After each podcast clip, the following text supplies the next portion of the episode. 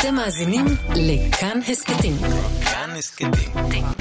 הפודקאסטים של תאגיד השידור הישראלי. היי, hey, אתם על ההסכת שאין לומר את שמו. אני שיר ראובן, ואני דור סהרמן, ואנחנו קוראים את כל ספרי הארי פוטר מההתחלה ועד שהתאגיד יפסיקו אותנו. והיום אנחנו נקרא את uh, פרקים, uh, כן, 5 עד 7, הסוכריות ההוקוס מוקוס של האחים ויזלי, מפתח המעבר ובגמן וקראוץ', uh, ובעצם מה שקורה בפרקים האלה, כן, שבאמת פרקי מעבר צריך להגיד, כן, הארי מבלה. אה, עם הוויזלים הרבה, כן, ואנחנו לומדים להכיר יותר את משפחת ויזלי. אה, הם צועדים להם ועוברים עם המפתח מעבר לאזור של אליפות העולם בקווידיץ', ואנחנו קצת לומדים להכיר עוד קצת עוד איזשהו פן ב, אה, בעולם של הקוסמים, גם מבחינת אליפות העולם, ההכנה אליו, וכמובן פוגשים את לודו בגמן וברטי קראוץ'. וטוב זה באמת מין פרקי מעבר כאלה קצת נכון? לך הייתה הכרזה אפילו. פרקים משעממים. זאת הפעם הראשונה שאני קוראת מאז שהתחלנו את הפודקאסט שקראתי והייתי כזה מה זה?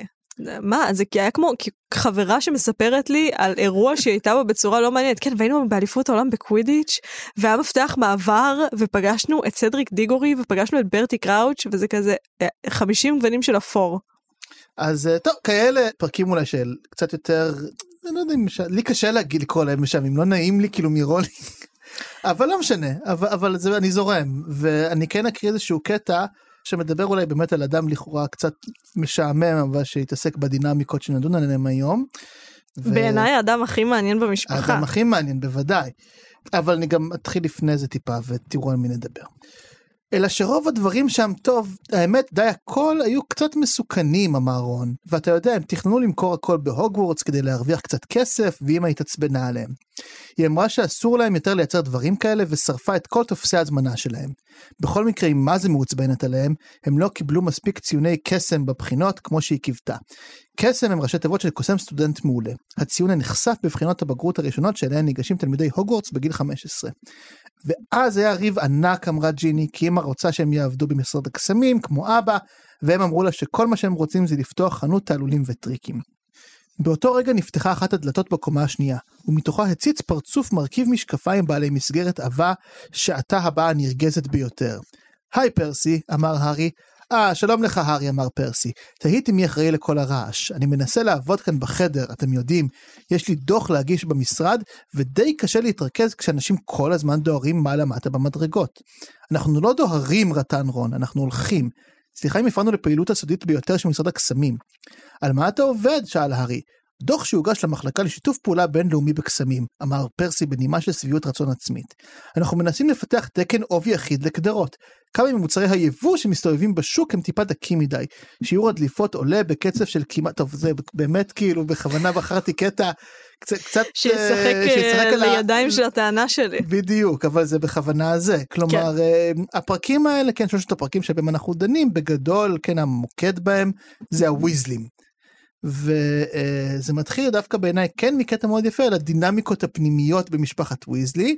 אנחנו קודם כל כבר נחשפים לשני האחים הבכורים שעד עכשיו לא הכרנו באופן אישי צ'ארלי וביל mm-hmm. אבל מי שבעיקר תופסים כאן את התשומת לב זה לא צ'ארלי וביל וזה גם לא רון אגב כמו שהיינו יכולים לצפות הוא דווקא ממש משני פה ולא משמעותי גם הרמיוני פה ולא כזה וגם לא ג'ינים אלא התאומים ופרסי שברור שהם כאילו ניצבים פה כן אחד מול השני. Mm-hmm. עכשיו התאומים לכאורה כאילו כן הם הבעייתיים יותר נכון הם, הם אה, מכינים כל מיני תעלולים וטריקים בחדר שלהם הם לא רוצים ללכת בדרך הישר הם לא השיגו ציונים מספיק גבוהים ואימא שלהם כועסת עליהם ואבא שלהם ממש חסר אונים מולם. וגם התאומים אני צריך להגיד ברור לגמרי עד כמה הם מרגישים בנוח במשפחה שלהם. ואגב אפילו אם כל המשפחה שלהם תכעס עליהם יש להם תמיד אחד את השני כי הם תאומים וזה חשוב לעומת זאת, מי שניצב מולם זה פרסי. עכשיו, כל הפ... השלושה פרקים האלה מאוד בנויים על ניגודים, ש, שנחזור אליהם ו, ונדבר עליהם עוד בהמשך. וברור שזה בקצה אחד התאומים, כן, שהם אה, חופשיים וזה, ועושים מה שהם רוצים, ופרסי שהוא מסודר נורא וקפדן ופוץ, כן? ואני חושב שהוא החריג פה. לא נראה שפרסי זוכה לאיזושהי תמיכה מהמשפחה שלו. Mm-hmm. כלומר, אנחנו יודעים מה רון חושב עליו, רון לא כזה אה, עף עליו, התאומים בטח לא. נראה שגם ג'יני לא כל כך uh, חזקה איתו. כלומר, פרסי מנוכר לגמרי מכל המשפחה שלו. הוא מאוד עסוק בהגשמה העצמית שלו, הוא מאוד רוצה להיות הוא, ודווקא נראה שהוא הכי פחות ויזלי מבין הוויזלים, כלומר אנחנו אוהבים לראות לפעמים את רון כמי שנכון קצת נבלע בתוך המשפחה שלו, mm-hmm. אבל uh, אני חושב שפרסי הוא עם הכי הרבה אותות מצוקה כאן שהוא משדר. אני מאוד מסכימה איתך, ובגלל זה אני חושבת שפרסי הוא הדמות הכי מעניינת במשפחת ויזלי. כי אני ארוץ קצת קדימה, לפרק עם uh, ברטי קראוץ'. אנחנו רוצים.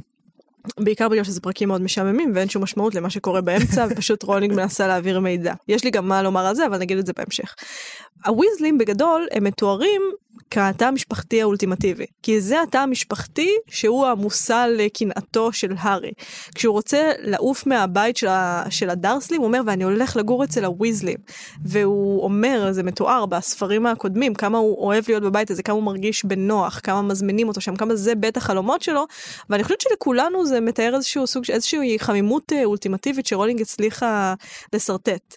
אה, תמיד יש אוכל, ותמיד המשפחתיות, והם עניים, והכל דחוק, אבל זה אף פעם לא מרגיש, גם כשזה צפוף, הכל בטוב ובאהבה. ובכיף, כן. ואני חושבת שגם אפשר לראות בתוך התא המשפחתי הזה איך היא הצליחה, איך הם הצליחו להגשים את עצמם כ, כהורים אה, טובים. מה זה הורים טובים אה, בתפיסה שלי? לכל אחד מהילדים שלהם יש אישיות, יש להם גם אישוז כמובן, אבל יש אישיות מובחנת ויש לו את המרחב לגדול ולהבין מי שהוא, שזאת אחת המשימות ההוריות הכי כבדות, חוץ מזה שהילד שלך לא ימות וכאלה, שהוא יוכל להצליח להיות מי שהוא. עכשיו, פרסי הוא באמת חריג. וזאת שאלה מבחינתי, האם פרסי זה מישהו? הוא פשוט שונה מהם, והם לא כל כך, אני לא יודעת אם הם לא מכבדים את השונות שלו, או שכאילו קרה שם משהו אחר. או שמה שקרה זה שפרסי, הרי בסופו של דבר, אפשר להגיד פרסי הוא שונה והם אוהבים אותו ומקבלים אותו ומכבדים אותו. אבל פרסי, כמו שאמרת, שולח כל מיני אותות מצוקה. במה ראיתי את זה? ביחס שלו לברטי קראוץ'. ואנחנו דיברנו בפרק הקודם על רצח אב. פרסי, אפרופו רצח אב, אפשר לומר שהוא מחקה את אבא שלו, שהוא אה, הולך לעבוד במשרד הקסמים. אבל אני לא חושבת שפרסי רואה בארתור מודל לחיקוי. ממש לא, הוא רוצה להיות הרבה יותר טוב. הוא רוצה ממנו. להיות הרבה יותר טוב ממנו, ומי שהוא כן רואה כמודל לחיקוי, זה ברטי קראוץ'. קראוץ'. עכשיו קודם כל זה שילוב מעניין, בגלל שפרסי לא רואה באבא שלו הדמות האבאית שהוא רואה אותה, הוא רואה אותה בברטי קראוץ', ברטי קראוץ' מנגד, ספוילר ספוילר ספוילר, איבד את בנו לצד ההפוך לגמרי מכל מה שקרה שם, זאת אומרת כן אמור להיות שם איזשהו אין ויאנג, אבל מה שבאמת קורה עליו בפרקים האלה זה שברטי קראוץ' לא יודע איך קוראים לפרסי. נכון, ות'רבי. כן, כזה. ואני שאלתי את עצמי, למה שפרסי יעריץ כל כך את הבן אדם שלא רואה אותו? וזה מבחינתי, בתור אה, מי שהולכת לפסיכולוגית ארבע פעמים בשבוע, הייתי כזה, הופה, הנה, מצאנו את המטמון. אם זה המודל שלו לאהבה, אפרופו זנב תולה מהפרק הקודם, אם המודל שלו לאהבה זה אדם שלא רואה אותו, אם ככה הוא רואה אהבה, זה אומר שזה משהו שהוא רואה מהבית. ואני שאלתי את עצמי, האם התאומים המאוד מאוד אהובים, שהם היו שניים והם הגיעו ביחד, והם האחים הקטנים אה, שלו, הקטנים שלו, בדיוק, האם הם לא גזלו את כל התשומת לב ופרסי סוג של גידל את עצמו לבד וכשאתה מגדל את עצמך לבד אתה בסוג של מרוץ כל הזמן להוכיח שאתה ראוי לאהבה שגם זה נושא שנידון אה, בהרחבה בפודקאסט הזה. ופרסי הרצון שלו להצטיינות הרעב שלו להצטיינות ובסופו של דבר גם זה שמישהו שם לעצמו כמודל מקצועי לחיקוי הוא אדם שבסופו של דבר לא רואה אותו אפילו שהוא מעריץ אותו זה הופך אותו לדמות מדהימה בעיניי בתוך הוויזלים באופן כללי, אבל יש חולשה לאנשים שלא מרגישים אה, בנוח בביתם. כי בסופו של דבר, כשאתה ילד ואתה מרגיש לא שייך, כמו כשפרסי הוא מדריך לצורך העניין, אז זה טרגי. אבל כשאתה גדל, השונות גדלה איתך. ואנחנו רואים לאורך הפרקים האלה איך פרסי הולך ומתנכר למשפחתו. בסוף יש לזה איזשהו סיום יפה. אבל פרסי הולך ומתנכר למשפחתו.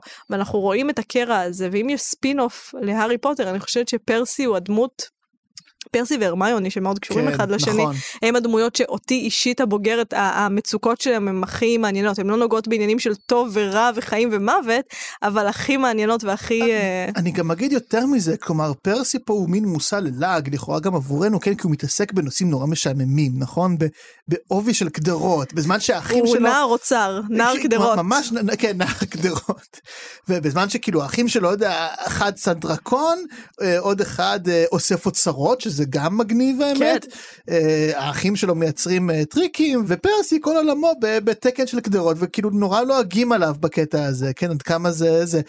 אני אוהב עד כמה שלפרסי יש להט למה שהוא עושה. הלהט שלו ראוי להערכה לא פחות מהלהט של התאומים לגמרי. למה שהם עושים, כלומר... אה, אבל בגלל שזה כאילו אה, חוק ובירוקרטיה וזה אז, אז קל אה, וזה כאילו נורא גם לא שייך לספר פנטזיה הארי פוטר זה ממש כן זה בתוך כן. של הפנטזיה ויותר מכל הארי פוטר וגביע האש זה אני חושב הספר בסדרה שהוא הכי עתיר הרפתקאות ודברים מגניבים וזה ופתאום יש לך פה דמות כמו יוסף הפקיד של דודו גבע כאילו או כמו דמויות כאלה של חנוך לוין כאילו מין דמות קטנה קטנה קטנה כזו אפורה. אפורה בירוקרטית כזו קצת אה, נבחית כזו אבל כמי שאוהב נבחים זה ה, אה, הוא הגיבור האמיתי לגמרי, אני גם חושבת שהספר מאוד נכתב מנקודת מבט ילדותית. כן. של פרסי הוא אפס, אבל והדרסלים הם רעים.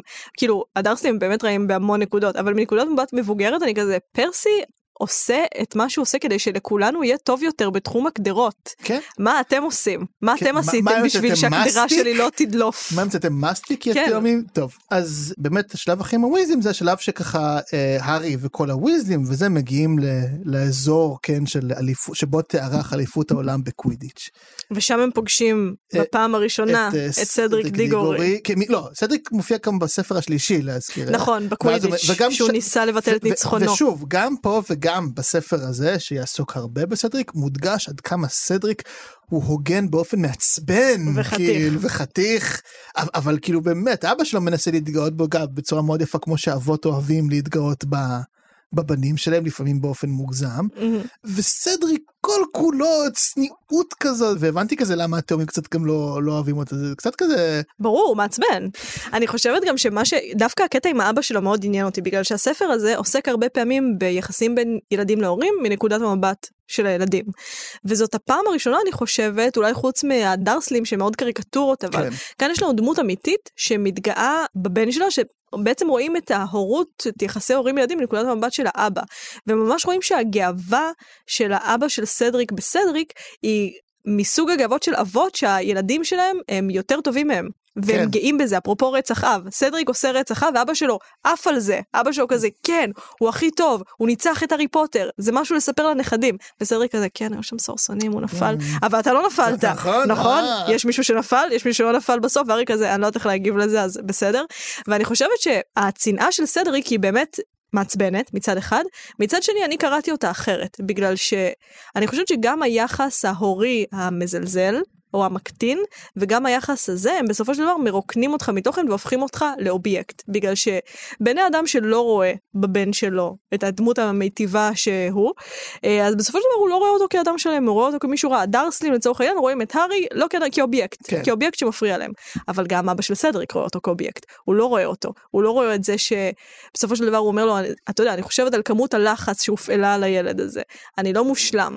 אני לא בהכרח ניצחתי את הארי פוטר. אתה לא חייב להראות אותי, אתה לא חייב להתגאות בי בצורה הזאת. ואני חושבת שברגע שילד הופך עבור אבא שלו גם כן לדבר הזה, וסדריק הוא מאוד זה עבור אבא שלו, זה גם מזכיר לי אגב, זה, אני, לא, זה, אני לא זוכרת את האנשים המדויקים, אבל איזשהו במאי איטלקי אמר לאיזשהו במאי יהודי שהוא מאוד מאוד מקנא בו.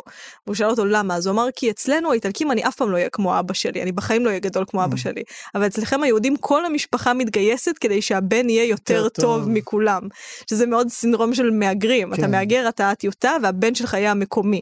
והרגשתי שזה סדריק, זה סדריק ואבא שלו, אבא שלו כזה, אתה, אתה טוב, אתה המנצח, אתה מי שאני בחיים לא הצלחתי להיות. אה, יחסים קשים בעיניי. יפה ומקסים ניתוח יפה תודה אהבתי. רבה. עכשיו מה שתפס אותי כן בסיפור הזה כשהם מגיעים זה דווקא משהו יותר כזה בצפייה מלמעלה זה, זה כל העניין הלוגיסטי הזה של ארגון אה, האליפות העולם בקווידיץ'. יש תיאור באמת אני אדם שאוהב תיאורים כאלה אולי בגלל זה את השתעממת ואני כזה איזה יפה תיאורים לוגיסטיים מדהים תנו לי מזה עוד אפרופו פרסי אבל יש פה בוודאי הקבלה מאוד ברורה לקיומם של אירועי ספורט ענקיים נכון אנחנו יודעים שכשמדינה מארחת אה, מונדיאל או אולימפיאדה אז כאילו כל המדינה מתגייסת לדבר הזה נכון כאילו מקימים מתקני ספורט וזה ו- ויש כזה תמיד יש תמיד הכתבות כזה איך הם ינהלו את כל המשלחות שמגיעות וזה בלאגן לוגיסטי שלם. וזה קיים גם פה כן כשמארחים את הטורניר של הקווידיץ' העולמי אבל אה, יש פה משהו נוסף שלא קיים בעולם שלנו. וזה הדבר של הכיסוי וההסתרה. כל המטרה של משרד הקסמים בקיום הטורניר הזה, זה שהוא יהיה כמה שיותר מוסתר מהעיניים אה, של העולם שבחוץ, כן, של המוגלגים, שזה מנוגד לגמרי, אגב, לכל אולימפיאדה או מונדיאל, שתמיד צריכה להיות הדבר הכי מרהיב ומשוגע בעולם. ופה כל המאמץ של משרד הקסמים היא להסתיר את זה שוב ושוב ושוב, הסתרה וסוד, וגם מתואר, אגב, איך הם נכשלים בזה כל הזמן, כן? כי כל הזמן קוסמים כן משתמשים בקסמים, למרות שאסור. אה, ואפילו לודו בגמן, שהוא בעצמו, כן, חלק ממשרד הקסמים, אבל בגלל שהוא ארכי פרחי, סוג של אה, מאכר כזה, מתאים להיות חבר באיזה מרכז מפלגה כזה, כן, זה, זה, זה, ככה הביאו אותו בג'ובניק של מקורבים, כן, אז הוא גם עושה מה שהוא רוצה. וזה אגב לי מאוד מהדהד את ישראל בקורונה, כן, כן? מנסים לעשות סגר, חצי מדינה בכלל לא מצייתת לסגר, השרים בעצמם לא מצייתים לסגר, כן? וכאילו פה זה כאילו קצת מצחיק, כן, בספר, אבל כמי שחווים את זה במציאות א', אתה מרגיש תהליך של התפוררות. ושל התפרקות ואני חושב שיש פה איזשהו אה, בעיות שמחלחלות מתחת לפני השטח mm-hmm. כי אנחנו יודעים שבהמשך כן בהמשך של הספר וגם הסדרה כן יחזרו אוכלי המוות ויחזור וולדמורט עם כל האידיאולוגיה המרושעת שלו אה, נגד אה, מוגלגים ונגד אה, כל מיני כוסים שהם לא טהורי דם וכולי. ואני חושב שמה שהפרקים האלה מציגים לנו זה שכל הבעיות האלה כבר נמצאות שם לגמרי. הקוסמים עושים הכל כדי להפריד את עצמם מהמוגלגים. ולהסתיר את עצמם. כשיש שם איזה בחור מסכן, כן, מר רוברטס, שהוא כזה קונים... שעובד שם. שעובד שם, אז עושים לו אה, עשרה כשפי השגחה ביום. זה אונס קבוצתי. שזה פשוט מחריד. כן, ו- ו- וזה כאילו משרד הקסמים הטוב, כן? כן, בלי וולדמורט ובלי כלום, שפשוט משכיחים לבן אדם את הזיכרונות שלו עשר פעמים ביום. בגלל שהוא אפשר, ובגלל שהוא מוגל. וכן, והוא סוג, אפרופו דיברנו, אה, וולדמורט משתמש באנשים באופן אינסטרומנטלי, גם פה משתמשים במר רוברטס באופן מאוד אינסטרומנטלי ובאופן מאוד כואב. כן. וכל זה שמנסים להסתיר, אבל גם הם לא מצליחים, ובמשרד הקסמים בעצמם יש בלאגן לגמרי וכל אחד עושה מה שהוא רוצה. כן, ארתור ויזלי הוא, הוא האיש ההגון היחיד שם כן. בערך פחות או יותר. כן, הוא היחיד שמנסה, וגם זה אגב הוא עושה מתוך מוטיבציה פנימית שהוא נורא אוהב את העולם המוגלגי אז הוא מנסה קצת כן אה, להקים אוהל לבד וזה כל שרק עושים מה אכפת להם הם עושים מה שהם רוצים mm-hmm. זה תיאור של שלטון שאפילו אם אין בו משהו רע או מרושע יש בו משהו מתפורר mm-hmm. ויש בו משהו מושחת ויש בו משהו שזה משהו שלא עובד זה לא מתקתק טוב ו- ולכן גם זה יגיע למקומות מאוד מאוד רעים בסופו של דבר. כי לא מצליחים להפעיל את זה כמו שצריך זו מדינה שמתחילה לאט לאט לתפקד עד שכאילו היא תתפורר לגמרי בהמשך. זה פרשנות מאוד מאוד יפה וזה התחבר לי לדבר אחר שאני חשבתי עליו בפרק הזה והמילה שאני כתבתי לאורך ההערות שלי זה אופוריה. הם אחרי ששת הימים קצת. כן. אה, ואני חשבתי על זה דווקא בהקשר של הארי.